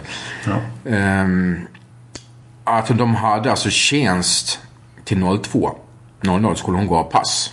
Mm. Någonstans mellan 22.15 och 22.30 fick de eh, order om att eh, ni kan gå hem och vi avbryta övervakningen mot Sigge lägenhet. ja. Vet man varför? De fick order om det och är det en fredag eh, mitt i... Hon säger så här. Eh, är det en fredag, lönefredag och man kanske har barn och, det är något sportlov eller någonting sånt så man bryr sig inte så mycket om varför. Du är bara glad att du får åka hem fyra timmar tidigare. Ja, det kan man ju tänka sig. Men man måste ju också tänka sig att... eh, Får man en order är en order och sen Ja. så säger du ingenting, kanske inte så mycket mer om det. Nej, ingen lär ju sitta kvar och övervaka på sin fritid. Men eh, det måste vara ett fantastiskt tillfälle att övervaka en knarklangare. Just fredagkväll, belöning, folk ute på stan, folk fulla, folk vill ha knark. Absolut. Ja, det är det och ehm, han var ju inte hemma exakt 22.30 enligt de rapporterna som har kommit med eh, telefonsamtals... Det kommer ju reda ut i grunden var Sigge Cedergren är någonstans. Men eh, de fick order om det och det är också anmärkningsvärt för hon säger att normalt sett så sitter man sitt pass ut oavsett. Och det här i, vad har vi här då? En timme innan mordet. Det är synnerligen anmärkningsvärt. Ja, och det innebär ju då att eh, narkotikapolisen inte är närvarande i området helt enkelt när mordet inträffar. I alla fall inte de som övervakar eh, eh, Palme... Nej, men så- ursäkta. Sigge Cedergren. Ja. I alla, fall, I alla fall inte där i eh, de som sitter i den lägenheten. Sen så vet man inte hur de andra. Men i alla fall inte de som sitter där. Nej precis, det lär ha funnits knarkspanare i city i övrigt. Eftersom ja, narkotikahandeln var eh, riklig ja. på den här tiden. Så är det. Eh, punkt 67, Osmo Vallo. Ja, ehm, varför tog vi upp det? Ja, för att man säger så här, det här är lite... Eller det är faktiskt en utav... Det här kan Lars Borgnäs så gärna gå in med på, för han har gjort program om Vallo också. Ja. Ehm, Karlstad 1995. hade till och med datum där. Var, eh, 13 maj 1995. 95. ja. Ehm, parallell om man drar det till det här Rolf Machnov framför allt. Också ett polisingripande som eh, med dödlig utgång. Ja. Mot han som eh, redan hade i stort sett gett upp och stå med händerna ihop för, innan de misshandlade honom ganska så gott och skickade en, en polishund eh, på honom som hoppade och stampade ännu mer på ryggen när han låg ner och, alltså, och bet och lite sånt. Ja. Man säger här att det finns en polis som har bakgrund som ganska våldsam här inom baseballligan. Nu tar vi allt det här när man säger ingår i baseballligan tar man med en stor nypa salt. Ja. För att eh, helt plötsligt är det så många som säger att alla jäkla poliser ingått i baseballligan och har man ungefär 40 stycken fast det kanske bara var åtta. Ja. Eh, Så det ska man alltid ta med en nypa salt. Men att eh, det är en person som har eh, inte något som är nämnd utan från A till L här. Nej. Och inte något annat sammanhang heller utan det är namnet vi har fått fram. Och det ska ju vara officiellt det namnet där. Eh, Men att han har bakgrund inom VD1 i alla fall. Okej, så det enda, enda sambandet här man hålla är att det, det liknar Machnor-fallet och, Ja. och det är en, en baseballligan, en polis som kanske var med i baseballligan som var med där. Ja, i alla fall har bakgrund eh, ifrån uh, vaktdistrikt och då var, var parallellen man skulle kunna tänka sig var eh, kanske med polismordet. Ja, utbildning utav Ja. några polisman B till exempel eller till och med A. Blev någon fälld Hur var det med det här egentligen? Eh, nej, det blev nedlagt. Va? Jag, det här får du gå in med. Det var länge sedan jag var inne i det. Ja. Men det blev upptaget på nytt. Kommer jag ihåg i alla fall. Någonting, men jag tror ingen blev fälld för det va? Ja, polismännen som grep eh, Osmald och dömdes då, nu läser jag Wikipedia, dömdes till dagsböter för att de låtit polishunden attackera Valle under gripandet. Och en av poliserna var tidigare medlem i baseballligan som hade flyttat till Karlstad. Och efter en första obduktion avskrevs fallet som plötslig död vid polisingripande. Och det här fallet har granskats eh, väldigt mycket. Det finns mycket material att ta del av. det. Men det ska vi inte göra här. Nej. Utan vi går vidare till vår sista punkt. Ja, ja. Sådär ja. Den. Ja, det här är ju eh, nästan lite rolig parallell. Ni har säkert en del utav er sett den svenska filmen som Kjell Sundvall regisserade. Den kom ut 1986. Eh, som heter I lagens namn. Ja. Sven Wollter är där eh, den som många gånger eh, namnet eh, som eh, förekommer i Leif GW Persson. För det är Leif GW Persson som har skrivit både screenplay och det här är från han- hans bok som heter eh, Samhällsbärarna som kom 1982. Det är filmatisering på den. Ja. Eh, Jarne Bring givetvis springas ut av Sven Wollter i det här Ja. fallet. Eh, och det här handlar om exakt just en piket. Piketbuss, eh, piketlag där Stefan Sauk är en som spelar Pia Gren. Det är de två som mest. Just det. Eh, så att den kom 86 och att boken skrevs 82. Så det här är, den är alltså inspelad innan mordet. Men har alltså förlaga redan 82. Så att det har ju då eller inte själva baseballligan. När, när, för att någon gång, har- den 82 så måste ju Leif GW Persson ha börjat skriva, för det är han skriver boken, måste ha börjat skriva på långt tidigare. Ja, han måste ha skrivit boken innan Ja. baseballligan bildades. Exakt. Lite rolig parallell är det här om ni kollar i eh, listan här på namn som finns eh, på karaktärerna. Det på Stefan Sauks karaktär och på Pia Grens karaktär. Och sen så är er, ni som vet namn på en del utav polisen som förekommer. Så kan ni hitta lite roliga paralleller kan jag säga. Ja, namnen är anmärkningsvärt lika. Ja. Vissa namn som vi... På polismännen vi har pratat om idag. Ja. Och så pass tidigt som 1982. Mm. Därför eh, känns det ju faktiskt som att det är just de här två personerna då som jag tänker på, som vi har nämnt här. Eh, de måste vara kända tidigare än, än när de kom in i GVG då, då Gatuvårdsgruppen. Ja, det kan man nog dra slutsatsen av. baseballligan. Men det är alltså, och då är det, eh, hans bok är då inte ifrån just baseballligan eller Gatu- Gatuvårdsgruppen utan det är från någon ännu tidigare. Då kan vi konstatera att det här med våld för det här, han skriver ju inte bara fiction utan han tar ju alltid någonting som har hänt och sen så tar in det i fiction. Ja. Då har vi, kan vi ju konstatera att det har varit ganska så jäkligt ett bra tag innan. Ja, så dagens filmtips är alltså i lagens namn som jag inte har sett. Så vi får se nu. Hoppsan. Eh, jag vill tacka dig Erik för att du kom hit och pratade polisspåret. Det är bara trevligt att få bidra. Ja, du är alltid välkommen tillbaka. Tack så mycket. Och jag ber er komma ihåg att det här var en kort introduktion till polisspåret som blev så här lång. Men det finns väldigt mycket att prata om. Det är massa saker vi inte har tagit upp här.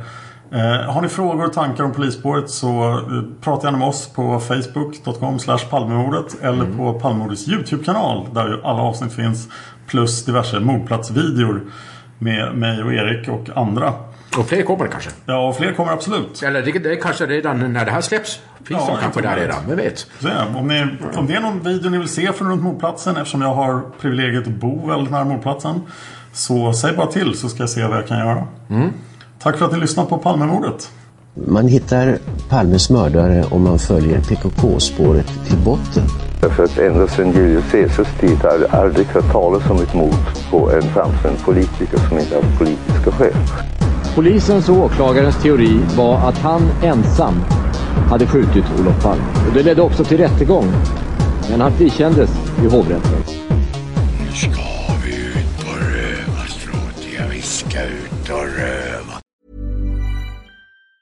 Even on a budget, quality is non-negotiable. That's why Quince is the place to score high-end essentials at 50 to 80% less than similar brands. Get your hands on buttery soft cashmere sweaters from just 60 bucks, Italian leather jackets, and so much more.